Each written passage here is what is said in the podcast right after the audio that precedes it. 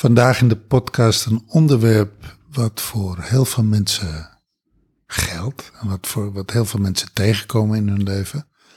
Wat als je niet goed genoeg bent voor de ander? Wat we daarover te zeggen hebben, luister maar.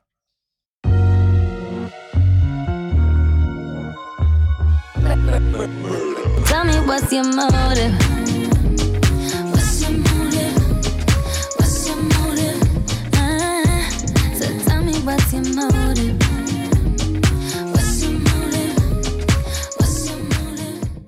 Tijdens de afstemming van morgen kwam ik terecht in een herinnering, in een scène waarin ik in een relatie terecht kwam van een vriend.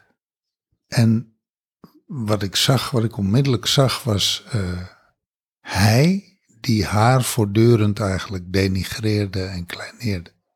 En ze had een zoon uit een andere relatie. En hij denigreerde eigenlijk ook altijd die zoon. Die zoon was nooit goed genoeg.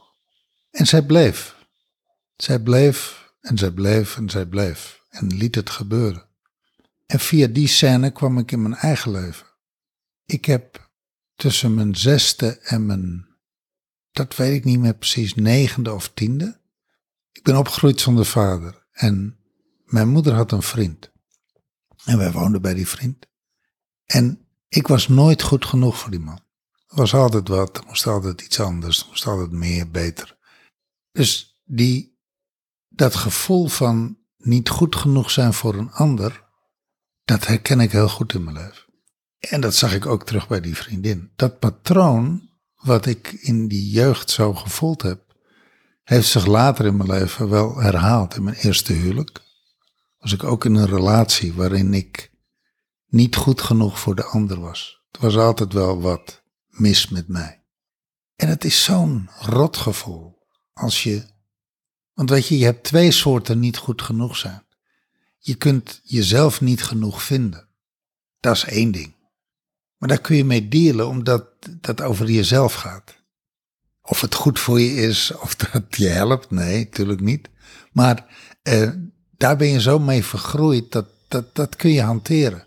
Maar niet goed genoeg zijn voor een ander, altijd maar je best doen en dat het nooit goed genoeg is, wat je ook doet, hoe je het ook doet, wat je ook zegt, hoe je het ook zegt. Dat is zo killing. Heb, je daar, heb jij daar ervaring mee? Natuurlijk eh, herken ik dat ook. Ehm, ik weet niet of ik het zo herken dat ik voortdurend niet goed voor de ander ben geweest. Dus dat ik in een relatie zit waarin ik voort- voortdurend niet goed voor, de, voor hem was. Dat heb ik even niet zo helder. Nou, ga eens terug naar je relatie met je moeder. Nou ja, nee, precies. Ik zat even aan een liefdesrelatie te denken. Ehm, als ik terugga naar de relatie met mijn moeder, zijn er aspecten waarin ik niet goed genoeg was. Maar niet, ik ken niet dat overall gevoel van ik ben niet goed voor hem of haar. Wat je ook doet, Nou, dat is wel grappig. Als je dat zo verwoordt, ik ben niet goed voor hem of haar, dan gaat het nog steeds over jou. Als tenminste in de woordkeus kan ik, zou ik kunnen horen, I'm not the right match. Is dat wat je bedoelt? Want dat is niet wat ik bedoel. leg het dan eerst even uit wat jij bedoelt. Dat er altijd iets mis is met mij. Ja, maar dat was... Dat ik altijd tekort ben. Dat ik, hè, dat, Ja. dat, dat who, I, who I am is not good enough. Ja, maar dat is, dat is dus wat ik niet herken. Ik herken op delen dit gevoel. Dus, dus op delen in mij of van mij ken ik, ken ik dat gevoel van er is al, ach, daar heb je haar weer. Er is wat met haar. Maar ik ken ook delen in mij waarin ik, ehm, waarin ik gevoeld heb dat ik oké was. Dus dat hele absolute, dat herken ik niet. Dus het is meer, ehm, ik zou bijna zeggen, ik ken meer het, ehm, gedrag en persoon. Wij, wij zeggen natuurlijk altijd van ehm, scheid gedrag en persoon. Scheid persoon en rol of scheid persoon en functie. Ehm, eh, jij bent oké, maar je doet niet oké. En als ik, als ik echt over deze vraag nadenk, dan kom ik bij scènes van mijn moeder, waarin ze me op delen niet goed genoeg vond. Er was weer wat met haar jongste kind. Maar niet op alle delen. Dus ik heb, ik heb delen, dat, dat zeg je ook altijd tegen mij, van ehm, je hebt heel veel basis. Ik bedoel, er is, er is heel veel gebeurd in mijn, in, mijn, in mijn jonge leven, maar ik heb ook heel veel basis. Nou ja, in, in dat stuk, hè, in dat stuk, laten we zeggen, zelfrespect en eigenwaarde, daarin ben je niet beschadigd. Precies. Dus er is een, dus er is een deel waarin ik het nooit goed kon doen. Waarin er zogenaamd altijd wat met mij mis was. En er is een ander deel waarin ik helemaal oké ben. En ik denk dat daar het verschil zit. Nou, dan kom je eigenlijk meteen op de, de root cause, de, de, de kern van de zaak. Ik denk dat eh, als ik terugga, dat, dat als ik terugga naar mijn jeugd, 6 tot 9, 6 tot 10, dat ontkende kind, ehm, dat, dat ging heel erg over eigenwaarde en over eh, zelfrespect. Want daar werd niet aan gebouwd. De eigenwaarde werd niet aangebouwd en het zelfrespect werd niet aangebouwd. Nou ja, dat kind, als ik, als ik invoel, voordat jouw moeder ging samenwonen met haar vriend en jou, en jou daarin meenam, was, was daar al dat jouw moeder jou niet zag, niet hoorde, niet erkende en niet herkende. Ja, dat is absoluut De, waar. de, de, De basis was al gelegd. de constructiefout was al eerder. Ja. Die hele man heeft daar niks mee te maken. Nou, Nou, die- die, die man heeft wel iets gedaan. Nee, die is daar bovenop gekomen. Precies. die is daar Maar, bovenop maar, de, maar de, als je naar de bron gaat, ga je naar eerder. Ja, absoluut. Nou, weet je waar ik op terecht kom? Eh, mijn moeder was van de lijfelijke straffen. Tegenwoordig heet dat eh, mishandeling en kindermishandeling. Mijn moeder sloeg. Mijn oma sloeg mij. En, en dat is wel, eh, daar ben ik later in mijn leven wel mee in aanraking gekomen. Hoe devastating dat is. Ja, ja. Hoe, hoe dat je mijn eigenwaarde en mijn zelfrespect heeft aangetast. Mishandeling is echt een, eh, is echt een ding. ja. Oeh, dat, is, eh, dat gaat heel diep. En dan heb Daar- jij het over lichamelijke mm, eh, mishandeling. Maar dat is diezelfde, die, diezelfde ehm, Impact. impact is ook bij emotionele mishandeling. Ja. Ja. En, en, en nou ja, dat ziet er anders uit, maar de impact is hetzelfde. ja, en mentale mishandeling. ja. ja. Ja, ja. Want die, die drie. Maar eh, lichamelijke eh, mishandeling heeft van een waanzinnige impact. Ja. Nee, emotioneel natuurlijk ook en mentaal ook. Maar goed, ik, ik heb dat meegemaakt. En ik kan wel achteraf zien, dat heeft wel de basis gelegd.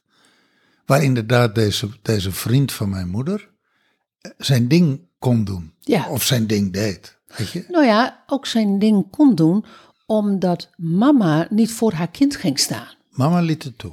Echt letterlijk, als je kijkt naar de opstelling en, en je ziet jou en haar vriend tegenover elkaar, dan had mama daartussen moeten springen, had ze jou achter haar rug moeten, moeten zetten en had ze hem, hem moeten feesten. Had ze moeten zeggen van, hé, hey, en dat gaan wij niet doen, omdat ik dat niet toesta.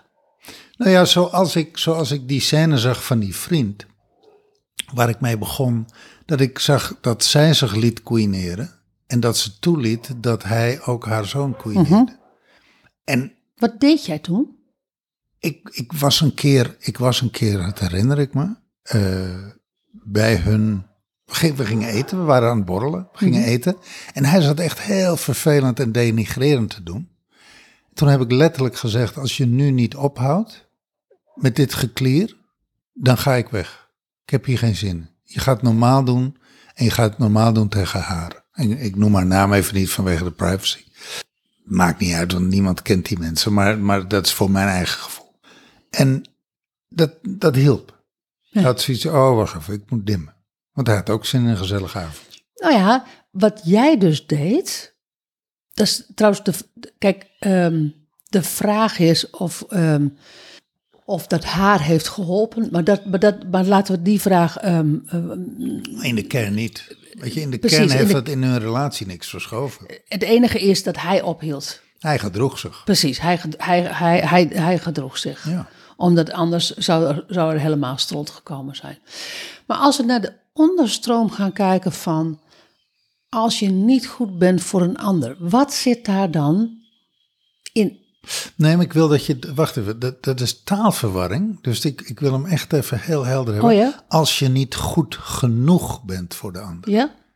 Want als je niet goed bent voor de ander, dan ben ik niet goed voor jou. En daar, dat is Oh ja, dus nee, nee, nee, daar heb je gelijk in. Ja, je, je, hebt helemaal gelijk. Ik, ik moest echt even denken van, waar heb je het over? Maar ik zie nu wat Dus, je dus ik wil deze in de taal even heel. eh, taalhygiëne. Precies, taalhygiëne. Wat zit er in de onderstroom van als je niet goed genoeg bent voor de ander? Als ik terugga naar mijzelf in, in situaties waarin ik daarin. In, in, in, in, maar ook in het leven, in werksituaties, in, eigenlijk in duizenden situaties. Waarin ik het gevoel had, er is iets mis met mij, ik ben niet goed genoeg voor, ik ben niet goed genoeg voor hier. En niet zozeer omdat ik dat gevoel had, maar omdat dat letterlijk werd gezegd.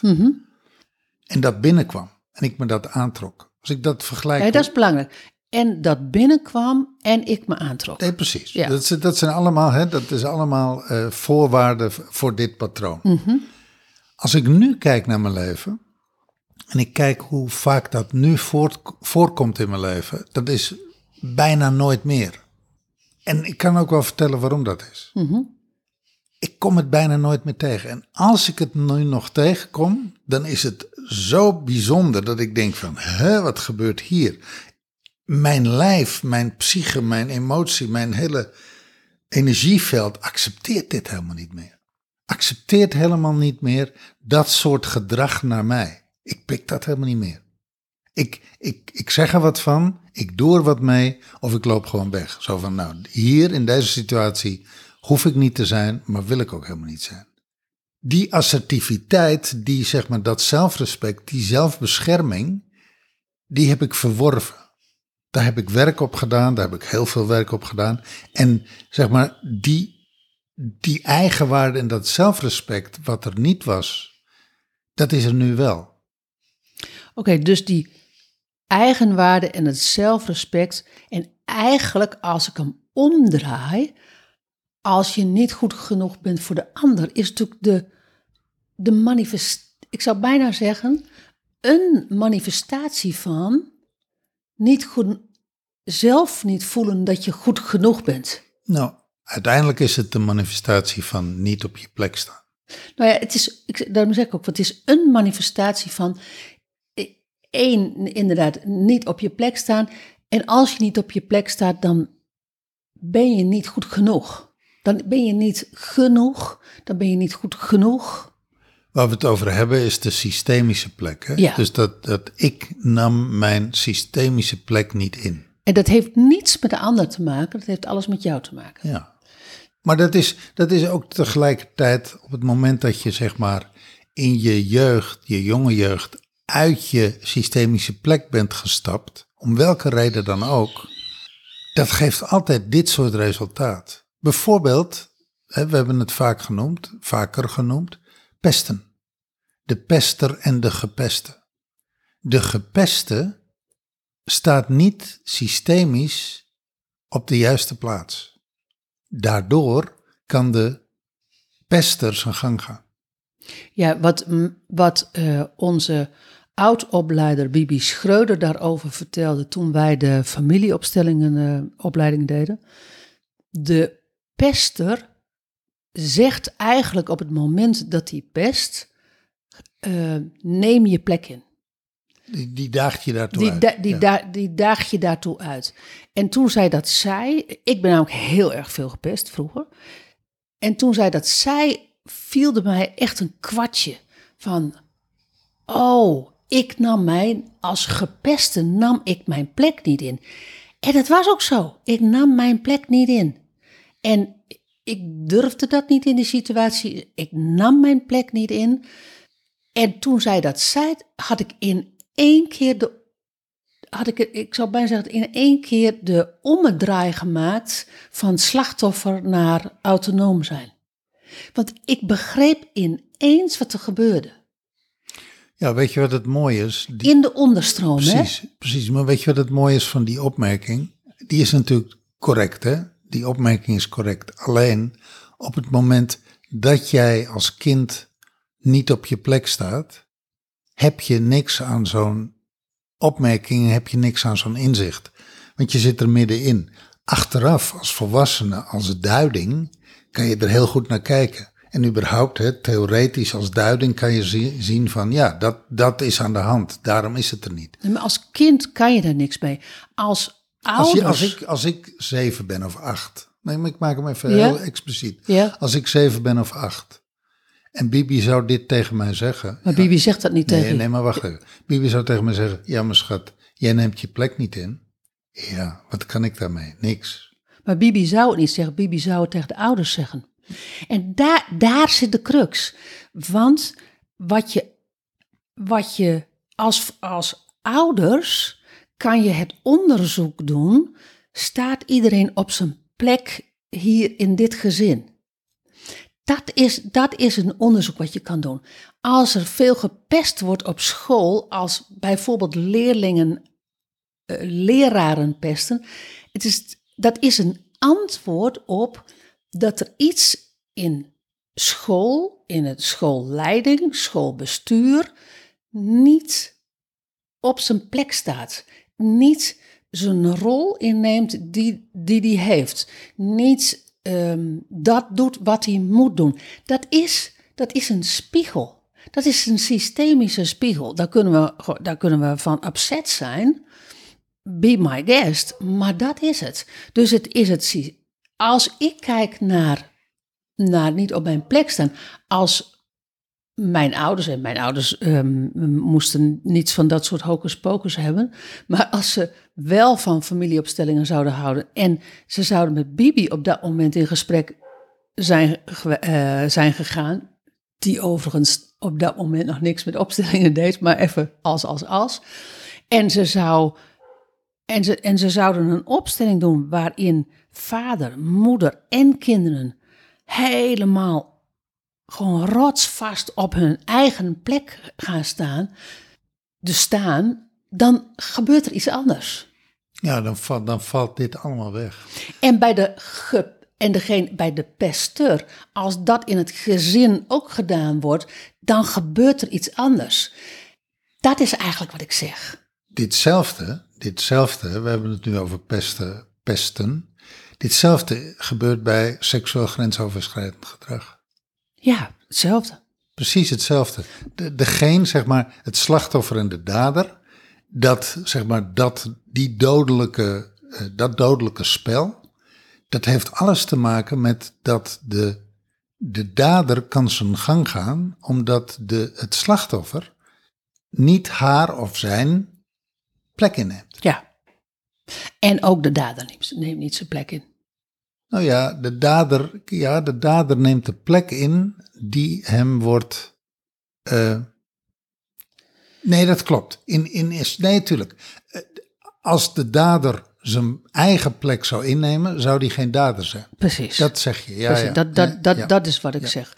Ehm, Want, want wat blijkt, wat blijkt, heel veel slachtoffers, vroeger jeugd- jonge jeugdslachtoffers, worden later in hun leven daders. ja. Dat zeg je eigenlijk. Nou, dat zeg ik niet, maar dat is, maar dat is wel Ja, zo trouwens. dus, dus ook daar, de, de, de basis daarvan is niet op je eigen plek staan. Ja. Ja. En eigenlijk is dat, even terug naar het onderwerp, als je niet goed genoeg bent voor de ander. Als ik terugga naar wat jij net geschetst hebt, mama met kind die bij vriend gaat wonen. Daarin namen jullie alle drie niet je eigen plek in. Ja, want, want hij nam de plek in van de aanklager. Nou, hij nam de plek in. Ik wil even uit de aanklager. Hij nam de plek in, waarschijnlijk van de vader. Terwijl hij gewoon niet de vader is. Ik bedoel, het is niet je biologische vader. Het is gewoon simpelweg de vriend van moeder. Ja. Het is niks van jou. Nee, ik- Je hebt er, je hebt er iets mee te doen om, omdat, omdat het de vriend van je moeder is. nou, ga nog veel verder. We hadden ook niks meer. Nee, maar goed, maar goed. Dus, die, dus, het is, dus ik ga even weg van het gesprek over de aanklager. Als Nou ja, wel, maar die rol nam die wel in. ja, nee, maar dat is een rol. Ja. Maar dat is, dat is niet de plek. Nee, precies. De, de plek van hem in die constellatie is dat hij de vriend van moeder is. En dan zie je dat moeder niet haar plek inneemt. En dat jij je plek niet inneemt. Maar moeder nam al veel eerder haar plek niet in, waardoor jij ook je plek niet in kon nemen. Daar zat een, daar zat een plekverwisseling. Nou, als je dus niet je plek inneemt, als ik kijk naar de basis die ik van huis uit heb, dan ehm, zit daar een hele duidelijke, ehm, een duidelijk gevoel van dat ik mijn plek inneem. Daar waar het fout gaat, daar waar ik niet goed genoeg was voor met name mijn moeder, want eh, mijn vader zei namelijk nooit wat. Ehm, dus dat weet ik ook gewoon niet. Dus dat zegt niks. Dus dat, dus precies, dat zegt niks. Ik had een zwijgende vader. En eh, wat, wat, wat overigens niet lekker is. Maar, eh, maar dat is iets anders. Nee, want het staat niet gelijk aan dat je goed genoeg was. Hè? nee, nee, nee, helemaal niet. Maar goed, maar goed als, je, als, je, als je niks zegt, krij- krijg je ook niks te horen. Dat, is, dat is het voordeel. En als hij dan iets zegt, dan, zegt dan, dan luister je. Maar goed, eh, hier had hij het niet over. Maar op het moment dat ik niet goed genoeg was voor haar, dan ontstond er acuut een plekverwisseling. En, ehm, maar, ja, en daar waar ik het niet was, zat ik echt op mijn plek. En dat merk ik, dat merk ik ehm, in mijn huidige leven, merk ik dat heel erg. Die basis, dat ik, dat ik mijn plek in mag nemen. En daar waar ik dat niet mag, en zeg maar dit verschijnsel komt, ehm, daar heb ik innerlijk werk te doen. Kom jij dit nog veel tegen in je leven nu? Eh, nee. Nee, nou, we, we hebben soms wel in, in dagen, in, in soms, soms zeg maar wel in het dagelijkse, dat ik even zo'n zo'n zwieper heb van, oh, ben ik niet goed, ben- niet goed genoeg zijn, maar mm, dat haakt niet aan. Nee. Dat, dat gaat één oor in, het andere oor uit, Ja. eh, als ik heel eerlijk ben. Ehm, Ja, want de ander blijft doen wat hij doet. Hè? De ander doet wat hij doet. Daar ben je. Daar heb je weinig invloed op uit oefenen. Maar het mooie is, ik, ik zie dat het qua energie trekt het dus aan. Op het moment dat je dat heel veel in je leven tegenkomt, het, gaat heel erg specifiek over dat gevoel, dat de andere jou het gevoel geeft en je dat ook vertelt en je dat ook laat horen en laat merken in, in allerlei variaties. Dit doe je niet goed, dat zeg je niet goed, jij bent niet goed, bla bla bla. bla. Ik heb ze natuurlijk wel in mijn leven, ehm, maar die ehm, ben ik ernstig aan het minimaliseren. Om het maar even zo te zeggen. Nou nee, maar dat... Nee, maar serieus, omdat ik denk van, nou weet je, daar heb ik gewoon helemaal geen zin in. Precies Dient- dat. Het dient mij helemaal niet. Nee, dat. Je hebt daar geen zin in. Maar dat heeft toch alles te maken met zelfrespect en eigenwaarde. Dat is ook zo. En met keuzevrijheid. Eh, keuzevrijheid. Ja, jij kiest. Wil ik dit ja. of wil ik dit niet? Nou, dat is waar. En tegelijkertijd vind ik hem te plat als je dat zo zegt. Want op het moment dat ik in een verstrikte loyaliteit zit, is er ogenschijnlijk is er keuzevrijheid. Kan iedereen tegen mij zeggen van je kan kiezen, Jaldara. En ik voel die keuze niet, want ik zit, ik zit. ja, maar nou heb je het over. Kijk, nu breng je in verstrikte loyaliteit. Dankjewel dat je dat doet, want dat is eigenlijk de volgende. De afhankelijkheid. Waarom? Hè? Dus, dus, laat ik het zo zeggen. Je hebt gewerkt aan je zelfrespect, je hebt gewerkt aan je eigenwaarde.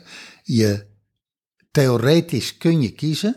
Ja, je, je, want je bent volwassen, ik bedoel, je, je verdient je eigen geld. Ik bedoel, je, je, hebt twee benen om, om om te lopen. Dus je hebt eraan gewerkt en toch kom je niet weg. kom je niet weg. En dan kom je inderdaad, zou kunnen, dat is een van de, van de, eh, van de dingen waar je in zou kunnen zitten, de verstrikte loyaliteit. Nou ja, weet je, Leg dat eens uit. nou ja, kijk even terug naar die vriend en die vriendin. Waarom bleef die vriendin bij die vriend?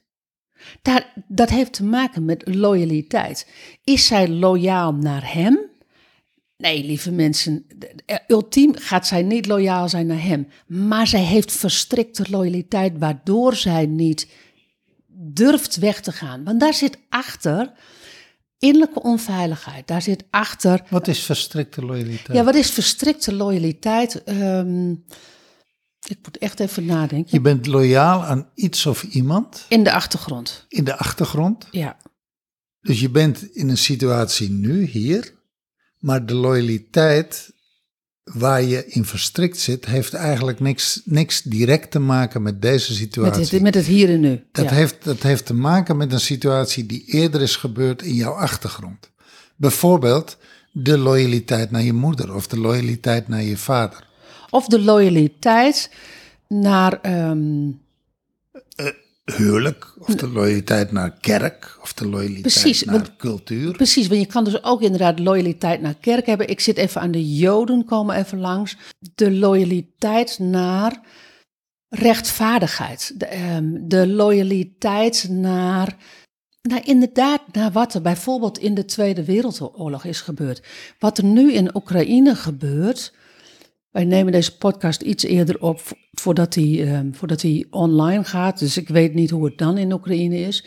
Maar dat zal zeker iets doen. Ik heb het ook al gezien op social media met een aantal Joodse vrouwen.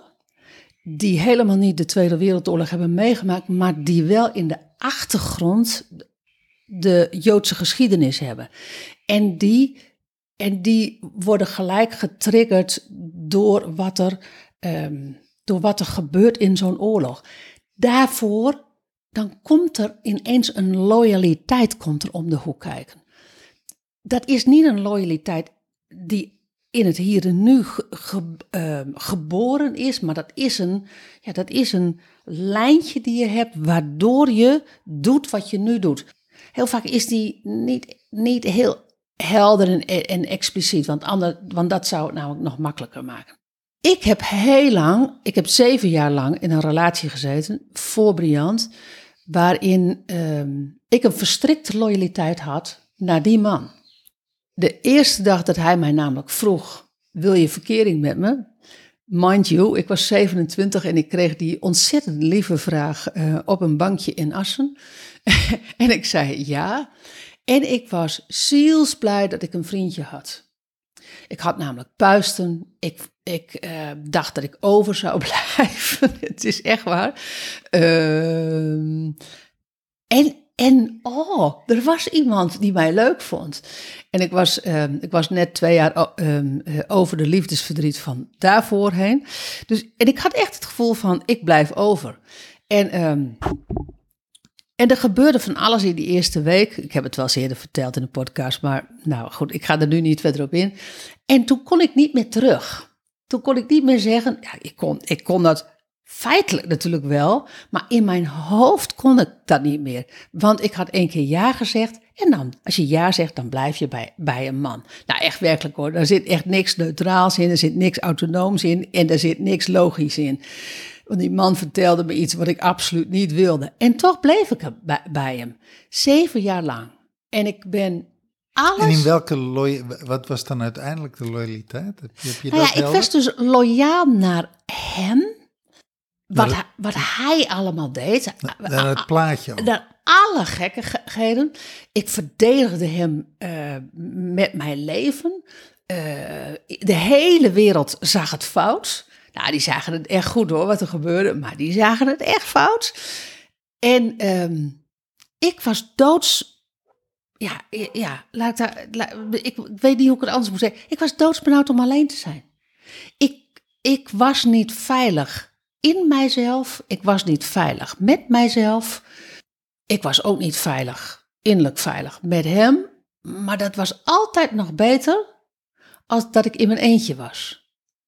Dus jij was eigenlijk loyaal aan het samen zijn. Aan het, Aan het samen, aan het plaatje. aan het niet alleen zijn. Aan het niet alleen zijn, aan het plaatje, aan. eh, ik ben opgevoed de- eh, in een gezin waarin je kinderen moet hebben, omdat die later voor jou gaan zorgen.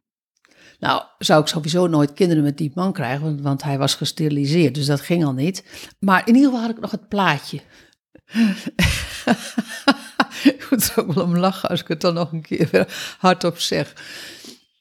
Dus daar zat geen, daar zat geen, geen gezonde loyaliteit, zoals mijn moeder altijd zei. Mijn moeder eh, was erg van de gezonde loyaliteit, hoe gek dit ook allemaal klinkt, in wat ik eerder over haar heb gezegd. Maar eh, daar zat geen gezond kijken van, ja, word, ik hier, word ik hier beter van? Wordt mijn ziel hier beter van? Als je daar nu op terugkijkt, hè, Ja. kan je dan zien welke reis je hebt gemaakt Ja. waar je nu staat. Ja, he- he- heel erg. Heel erg. Dus ik kan mij, en ik zie zo dat ehm, we zijn zo geneigd in alle relaties waarin, de, waarin dit patroon zich plaatsvindt, waarin mishandeling plaatsvindt, emotioneel, lichamelijk, mentaal.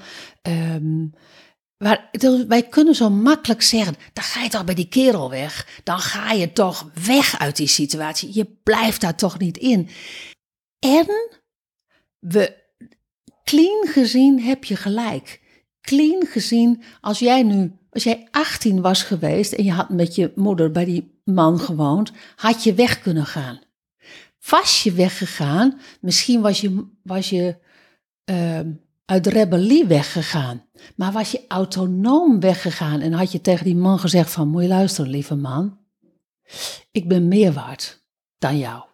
Dat had je niet gedaan. Waarom niet? Omdat je op je achttiende nog in de loyaliteit naar mama zit. En die loyaliteit in dit soort relaties, die is, ehm, die is belang, dat is een belangrijke raadge, eh, belangrijker raadgever om te blijven of om niet te blijven. In plaats van dat je clean gezien weg kan. Ja. Want deze vriendin waar we het over hebben, verdient gewoon haar eigen geld. Die hoeft niet voor de poen bij die man te zitten.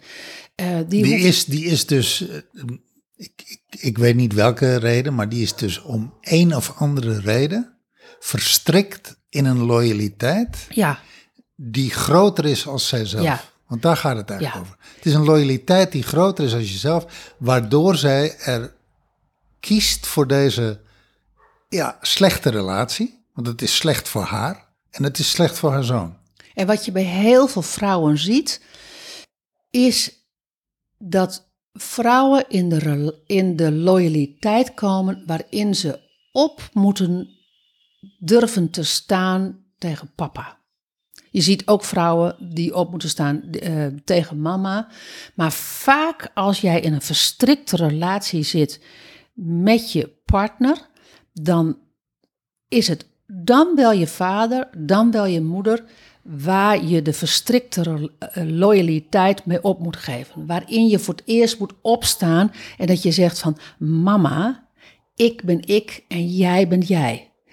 Ik ben ik, jij bent jij. Papa, ik ben jouw prinsesje niet meer. Mama, ik ben jouw vriendin niet. We hebben daar podcast over gemaakt. Als je moeder je beste vriendin is en als je vader, eh, als je het prinsesje van je vader bent. Ik weet werkelijk niet welk nummer. Zoek het maar op. Dat gaat over dat soort loyali- verstrikte loyaliteit gaat dat. Het klopt precies, want als ik kijk naar, eh, naarmate ik mij in mijn, de loop van mijn leven meer en meer losmaakte uit die verstrikte loyaliteit met mijn moeder, groeide mijn eigenwaarde en mijn zelfrespect. En groeide ook de autonomie naar dit wil ik niet, tot hier en niet verder, dit pik ik niet. Ja. Dus mijn assertiviteit en mijn, mijn op kunnen treden en mij zeg maar voor mezelf op kunnen komen, groeide diametraal aan de afstand die ik nam van de verstrikking met mijn moeder.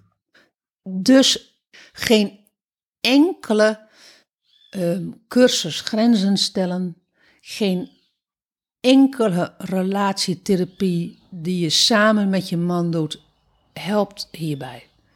Dit is Cursus-assertiviteit. helpt, hi- helpt hier niet bij.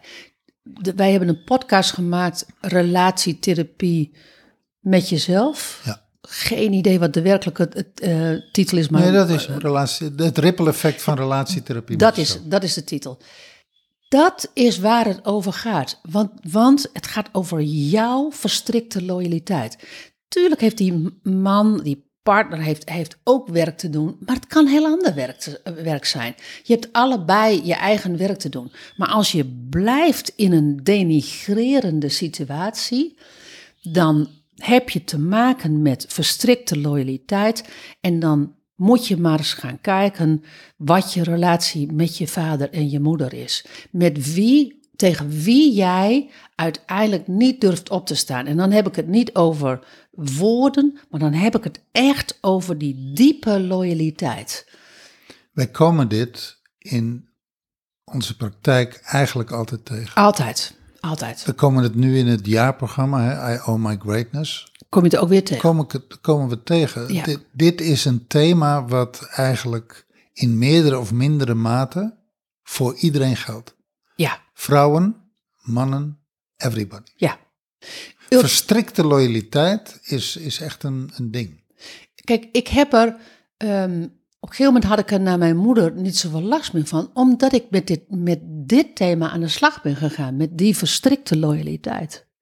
En ik haar op de moederplek heb gezet en mezelf op de kindplek heb gezet. Of eigenlijk moet het eigenlijk andersom zeggen. Ik heb mezelf op de kindplek gezet en daarmee haar op de moederplek.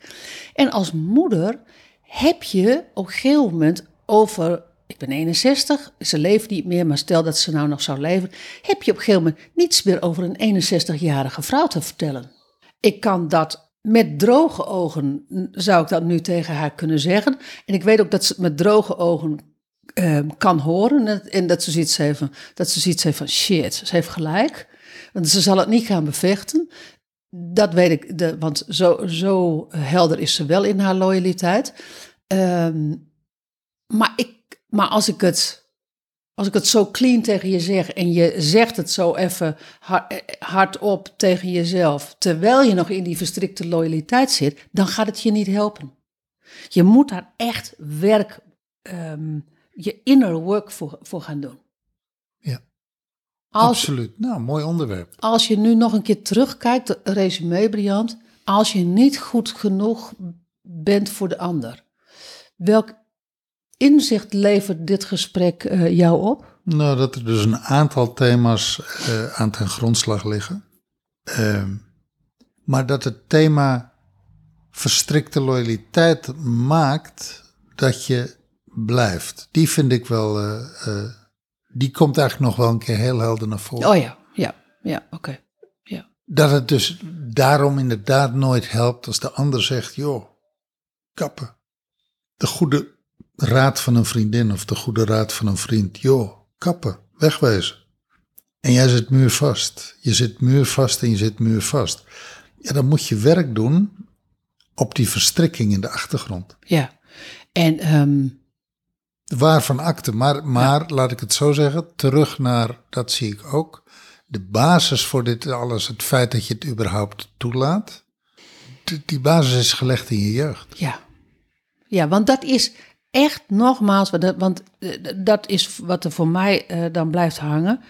Jij hebt het dan over die vriend van je moeder. En terwijl je het erover, daarover had, zag ik waar dat het al veel eerder was begonnen.